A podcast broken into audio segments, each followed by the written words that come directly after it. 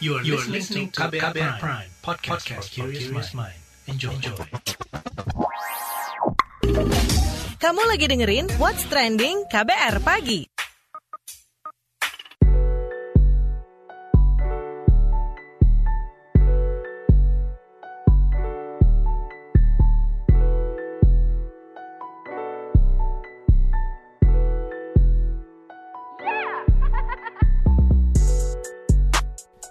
Pagi, siaran pagi radio paling update. Selamat pagi, apa kabar Anda hari ini di hari Kamis 16 September 2021? Seperti biasa, Don Brady akan menemani pagi hari Anda di What's Trending KBR Pagi pastinya.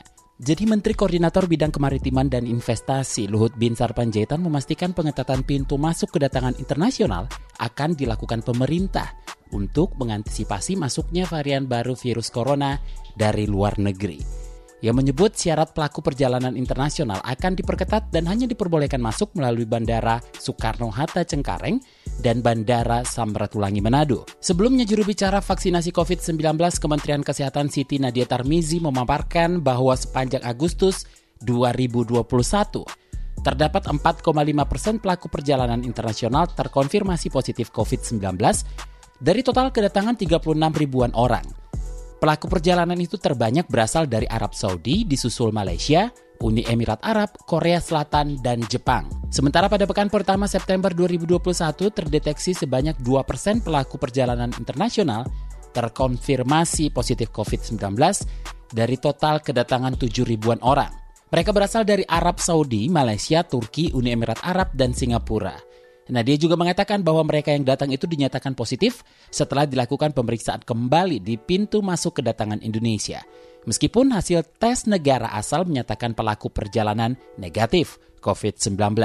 Sementara itu PLH Sekretaris Utama Badan Perlindungan Pekerja Migran Indonesia, Ahmad Kartiko mengungkapkan, total kedatangan pekerja migran Indonesia dari berbagai negara selama periode 1 Januari hingga September 2021 sebanyak 9 ribuan orang. Kartiko menerangkan butuh kerjasama dan sinergi antar stakeholder dalam mengantisipasi kepulangan PMI, khususnya dalam pengawasan pencegahan penyebaran virus COVID-19 dan memulangkan sampai ke daerah asalnya. Direktur Perlindungan WNI dan Badan Hukum Indonesia Kementerian Luar Negeri Juda Nugraha menyebut perlu pengetatan pintu masuk di luar pintu utama agar tidak terjadi lonjakan kedatangan pintu tidak resmi. Pengetatan pelaku perjalanan internasional cukup kuat. Nah, itu yang kita obrolin pagi ini. Tapi sebelum kita bahas lebih lanjut, seperti biasa, kita simak dulu opini warganet plus 62 berikut ini.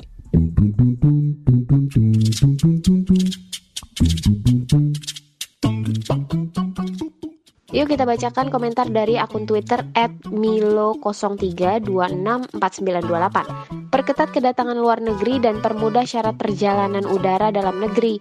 Dunia aviasi butuh bangkit kembali, khususnya Indonesia yang banyak pulau merupakan potensi pasar yang bagus untuk penerbangan dalam negeri. Dengan syarat antigen dan vaksin saya rasa sudah cukup. Ed Imanto 1987 mencuit, karantina lah. Lanjut Ed Agustinus Wijay 2 mengatakan positif kok bisa naik pesawat. Kemudian ada komentar nih dari akun Ed Keselek Wedus. Ibarat rumah dengan genteng yang bocor ketika hujan. Pemerintah sibuk ngepel dan nguras airnya daripada menutup genteng yang bocor. Beralih ke cuitan akun @bunga_bakung 2014. Wajib karantina minimal 14 hari di tempat yang ditentukan pemerintah. Jika melanggar, deportasi atau denda yang besar. Lalu ada dari Twitter @forza underscore Sandy mengatakan WNI masuk mall aja susah, tapi ini bisa-bisanya ya masih nerima WNA masuk. Beralih ke cuitan selanjutnya dari akun @ini underscore doom. Munculnya virus baru yakni varian Mu B1621 membuat Komisi 9 DPR meminta pemerintah untuk memperketat pengawasan terhadap arus masuk orang dari luar negeri. Perketat prokes dan screening di pintu-pintu masuk kedatangan dari luar negeri, peran DPR. Lalu ada akun @kmgu yang mengatakan setuju agar ada upaya pencegahan dan pengawasan secara ketat. Terakhir dari @nutrisi, screening yang ketat. What's Trending KBR Pagi Masih kita lanjutkan obrolan kita pagi ini. Jadi Menteri Kesehatan Budi Gunadi Sadikin menjelaskan langkah pencegahan varian baru COVID-19 masuk Indonesia yang dibawa pelaku perjalanan internasional. Berikut penjelasannya saat rapat bersama Komisi Kesehatan DPR RI kemarin, Senin 13 September. Ternyata walaupun di awal, ini khususnya untuk penerbangan ya, penerbangan kan lumayan ketat, dari negara asal kita minta ada PCR test, tapi tetap begitu tiba kita tes tinggi sekali uh, positivity rate-nya. Yang paling tinggi adalah dari Arab Saudi, dari Malaysia, dan Uni Emirat Arab. Jadi kita nggak tahu juga apakah hasil lab PCR-nya di sana memang berkualitas atau tidak dari tiga negara ini. Oleh karena itu kita akan segera melakukan kerjasama bilateral dengan Kementerian Kesehatan ketiga negara ini untuk memastikan membatasi lab-lab apa saja yang boleh kita terima yang tersertifikasi dengan baik di otoritas lokalnya untuk memastikan bahwa kualitas dari tes PCR-nya bagus. Ya. Karena hal yang sama juga dilakukan seperti negara Korea Selatan dan Cina. Kalau kita mau datang ke sana, hanya beberapa lab di Indonesia yang diperbolehkan untuk bisa melakukan tes PCR untuk menjaga kualitas agar tidak terjadi hal-hal seperti ini dan membawa varian-varian baru masuk ke Indonesia. Ini juga yang kita lihat betapa pentingnya ya itu tes entry dan tes exit. Karena setelah kita tes entry misalnya dari 100 orang yang dites ada 1,1 yang positif. Tapi 100 orangnya kan mesti dikarantina. Begitu kita exit ternyata ada 2,4 persen di luar yang 1,1 yang tetap juga masih positif. Nah itu menunjukkan bahwa pentingnya adanya entry dan exit test PCR untuk pendatang-pendatang dari luar negeri agar memastikan tidak ada varian baru yang masuk sebagai salah satu cara pencegahan tidak mengulangi kesalahan yang sama yang terjadi dengan varian Delta kemarin. Nah, sementara itu Menteri Koordinator Bidang Kemaritiman dan Investasi Luhut Binsar Panjaitan pengetatan syarat perjalanan internasional dari luar negeri, yakni wajib full vaksinasi, PCR tiga kali tes, melakukan karantina selama 8 hari, dan pembatasan pintu masuk untuk kemudahan pengawasan.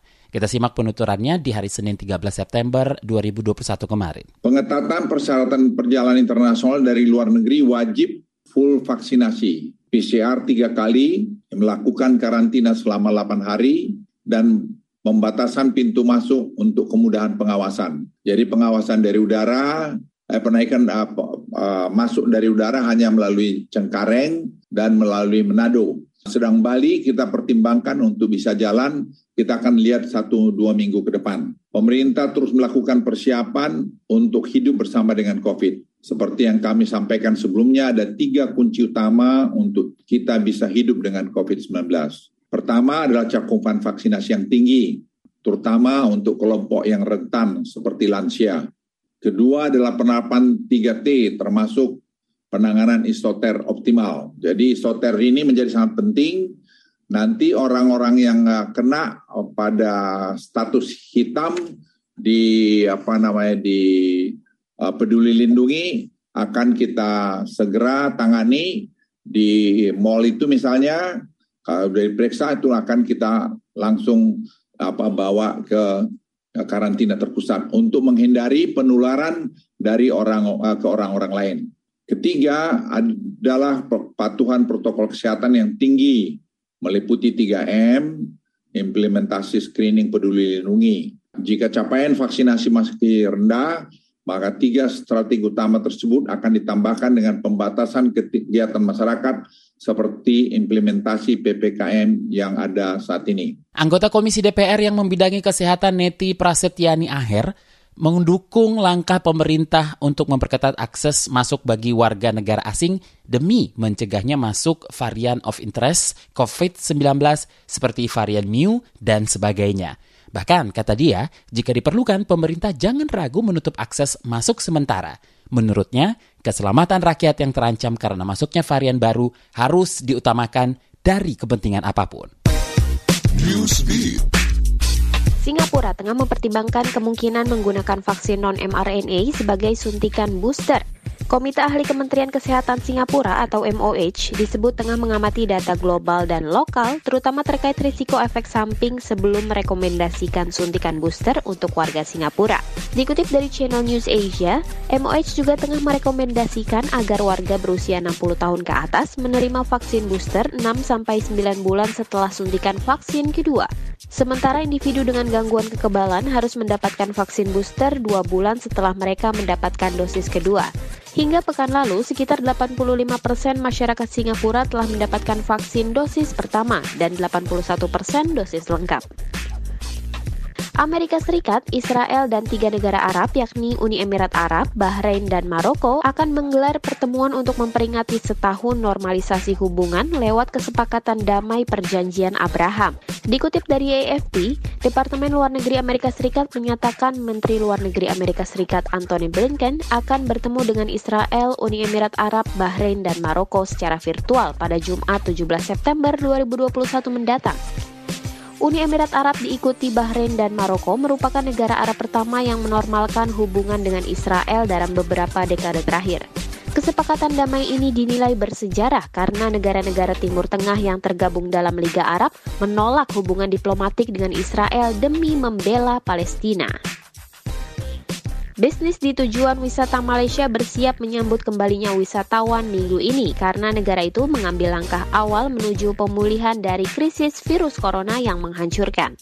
Dilaporkan VOA, Langkawi gugusan 99 pulau di Selat Malaka akan dibuka lagi mulai 16 September bagi turis yang sudah divaksinasi penuh sebagai bagian dari gelembung pariwisata domestik.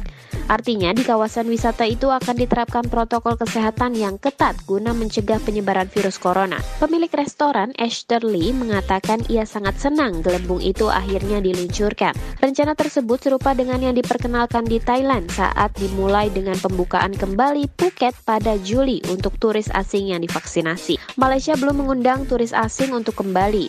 Malaysia mencatatkan total 2 juta kasus virus corona, salah satu tingkat infeksi per kapita tertinggi di Asia dan lebih dari 20 ribu kematian. Namun, program vaksinasi di sana berjalan lebih cepat dari negara-negara tetangganya. Dengan lebih dari setengah populasi sudah divaksinasi, negara itu berharap lebih cepat kembali normal. What's Trending KBR Pagi masih bersama saya Don Brady, kita lanjutkan obrolan kita pagi ini soal pengetatan pelaku perjalanan internasional cukup kuatkah? Nah, itu dia yang kita obrolin pagi ini ya. Nah, pengamat kebijakan publik Trubus Rahadiansyah meminta pemerintah membenahi manajemen pengendalian COVID-19 untuk mencegah masuk dan menyebarnya berbagai varian COVID-19 yang terus berkembang. Ia meminta pemerintah mempertimbangkan sejumlah hal terkait pintu masuk negara, seperti memastikan pengawasan yang ketat dan penegakan hukum yang memadai.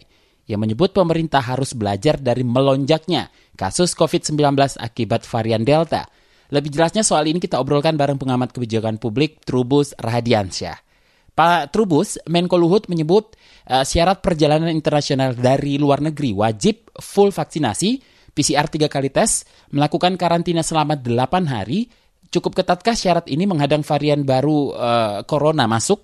Iya, menurut saya sih belum cukup, Mas. Karena kan kalau misalnya 8 hari, kenapa nggak dibikin misalnya 14 atau 15 hari lah gitu ya, dua minggu maksudnya. Itu lama-lamanya di karantina dulu. Untuk menanggulangi atau untuk istilahnya membatasi mereka yang dari luar itu, karantinanya harinya diperpanjang itu 15 hari lah, 14 sampai 15 hari. Biar itu efektif gitu, Mas. Karena dari situ bisa diketahui seorang memang betul-betul sehat yang masuk di Indonesia gitu kan. Karena varian-varian COVID itu macam-macam, ada yang terdeteksi dengan alat yang ada, atau juga yang dengan alat yang ada ternyata nggak bisa kan? Beberapa dari kemarin kan ada yang sudah membawa surat keterangan sehat dari negara asalnya, begitu sampai di Indonesia kan ini ternyata mereka positif gitu kan, positif COVID gitu. Yang kedua juga menurut saya pengetatan ini ditambah dengan ini proses ditambah berbagai pintunya gitu loh, pintu-pintu pemeriksaannya gitu loh. Dengan apa alat-alat yang tidak hanya sekedar PCR, mungkin ada alat lain yang yang bisa digunakan untuk mendeteksi virus-virus baru. Kemudian di rumah sakit juga harus diperiksa secara bersama. Jadi, nah itu yang penting adalah di situ pengawasannya harus tetap. Jangan sampai pada kejadian kasus orang India dulu masuknya virus Delta kan. Sekaligus juga menurut saya law enforcement ya penegakan aturannya itu sendiri yang harus secara tegas lah ya, secara tegas. Jadi kalau ada yang melakukan istilahnya itu pelanggaran-pelanggaran ya harus segera di, diberikan sanksi seberat-beratnya gitu loh supaya agar mereka ya jerah lah. Nah TKA kan sudah diperketat untuk masuk hanya yang dikecualikan saja nih. Ini pengaruhnya seperti apa? Belum terlalu ini juga meskipun juga secara ini bisa dikatakan uh, positif niatnya pemerintah. Tapi kan pengecualian-pengecualian ini juga harus disertai dengan pengetatan yang yang tinggi gitu. Karena pada prinsipnya itu sering kali mereka itu apa lolos gitu kan, lolos meskipun pengecualian. Menurut saya ini memang persoalan sumber persoalannya di tata kelola manajemennya itu pada saat yang bersangkutan diperiksa sampai kemudian yang, yang bersangkutan dinyatakan atau si WNA-nya dinyatakan sehat gitu loh. Harus betul-betul secara transparan, kalau perlu bisa dari ada publik juga dari pihak tertentu ikut memantau juga melibatkan ini. Jadi ini harus melakukan namanya kolaborasi pentahelix gitu. E, pemerintah ini bekerja sama bos ini dengan swasta juga, dengan civil society, LSM-LSM atau apa atau dengan perguruan tinggi juga atau dengan pihak-pihak lain yang terkait di Oke, WNI pekerja migran yang pulang juga dibatasi hanya melalui lima titik masuk ya, satu udara, satu laut, dan tiga darat. Cukupkah dan bagaimana jika ada kebocoran di luar jalur itu? Orang dari luar masuk ke Indonesia itu banyak jalan, lewat udara ya jelas itu lewat bandara kan, tapi juga lewat bandara-bandara kecil kadang-kadang juga nggak diperiksa. Yang bandaranya bandara apa Soekarno Hatta, ya bandara Jogja atau bandara Denpasar Bali, bandara apa namanya Juanda Surabaya boleh, tapi atau di Medan itu ya Kuala Namu misalnya. Tapi kalau misalnya bandaranya kecil kan bisa juga. Yang harus diperhatikan itu kemudian ada yang lewat jalur ini, jalur pelabuhan kan lewat laut. Yang dulu juga waktu dari virus Wuhan itu kan banyak yang lewat laut tuh. Jadi akhirnya masuk ke tiga ke sini kan. E, mereka pada lewat Batam lah, lewat Tanjung Priok, lewat apa Surabaya, lewat Semarang, Tanjung Emas gitu kan. Jadi itu pelabuhan-pelabuhan kecil-kecil itu pada masuk di situ. Memang harus betul-betul di, diperhatikan pengawasnya. Kemudian yang ada yang lewat jalur darat yang di perbatasan di Kalimantan itu menukan dan sebagainya itu itu juga harus diperhatikan juga yang dari wilayah timur itu misalnya Atambua itu kan harus juga diperhatikan karena yang darat ini banyak ini menurut Indonesia itu segala ini bisa segala pintu ada gitu ya jadi menurut saya yang penting adalah pengawasannya yang makin di ini dan kalau bisa ini melibatkan masyarakat. Jadi titik-titik bagi orang asing yang masuk ke Indonesia memang dengan makin sedikit itu memang kemungkinan kebocorannya juga tinggi karena orang akan dengan dengan segala cara kan masuk. Pertimbangan yang harus diperhatikan pemerintah terkait kebijakan pintu masuk negara ini apa nih Pak? Menurut saya pertimbangan yang utama adalah ya sisi tata kelola dulu lah. Salah satu tata kelola manajemennya itu pertimbangannya manajemennya harus betul dipertimbangkan karena kan kita mengendalikan kan COVID kan gitu. Kemudian dari sisi pengawasannya harus lebih tegas lagi. Kemudian pemerintah juga harus melakukan itu tadi kolaborasi kan. Jadi dengan berbagai pihak dia harus melakukan kerjasama. Jadi yang harus diperhatikan adalah status seseorang itu. Seorang yang masuk itu benar-benar sehat betul gitu loh. Karena artinya orang yang betul-betul kebebas dari COVID dan pemerintah juga harus memastikan bahwa tidak ada mafia, tidak ada orang-orang tertentu yang berani secara lelua, leluasa ber, bekerja sama dengan oknum orang dalam. Ini kasus dulu ya pada kasus apa virus delta yang orang-orang India itu jangan sampai terulang kembali itu. Jadi harus betul-betul pengawasan yang ketat, penegakan hukum yang madai itu dan sekaligus juga kolaborasi itu. Terima kasih pengamat kebijakan publik Trubus Rahadiansyah.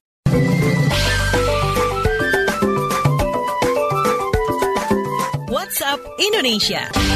WhatsApp Indonesia dimulai dari Jakarta.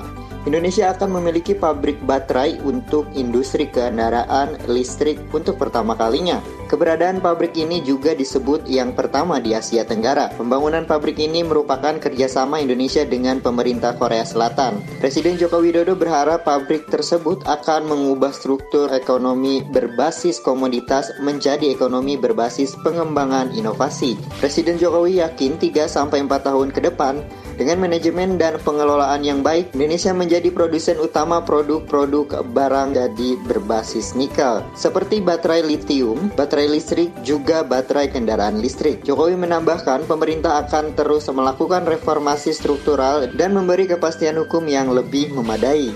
Dalam hal investasi khususnya di bidang inovasi kendaraan listrik. Selanjutnya menuju Jawa Barat. Kepolisian Jawa Barat mengaku telah menangkap empat tersangka pemalsu data sertifikat vaksin COVID-19. Menurut Kepala Polisi Jawa Barat Ahmad Doviri, seluruh data palsu itu dicantumkan di sertifikat asli vaksin COVID-19. Satu orang terduga pelaku terancam pidana 5 hingga 12 tahun penjara sedangkan tiga orang lainnya terancam kurungan di atas 12 tahun. Kepolisian Jawa Barat melansir satu lembar kartu vaksin COVID-19 resmi yang berisi data palsu itu dijual seharga Rp200.000 hingga Rp300.000.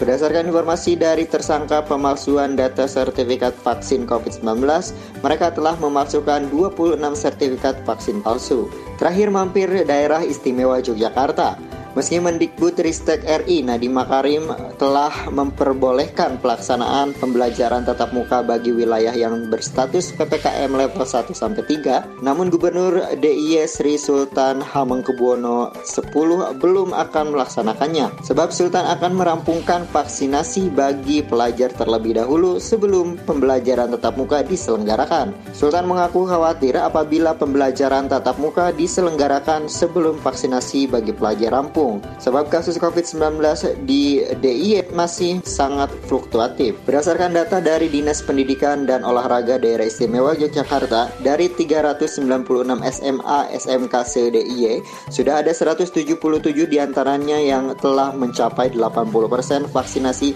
baik guru maupun siswa. Sekolah tersebut juga sudah memenuhi salah satu syarat siap melaksanakan pembelajaran tatap muka di tengah masa pandemi COVID-19 dan PPKM berlevel. Selain itu, siswa yang akan mengikuti pembelajaran tatap muka juga diwajibkan mengantongi surat izin orang tua. Demikian WhatsApp Indonesia hari ini. Demikian KBR pagi hari ini. Jika Anda tertinggal siaran ini, Anda kembali bisa menyimaknya di podcast What Trending yang ada di Spotify, kbrprime.id, dan di aplikasi mendengarkan podcast lainnya. Don Brady undur diri, besok kita ketemu lagi. Stay safe, bye-bye. Terima kasih sudah mendengarkan KBR Pagi, siaran pagi radio paling update.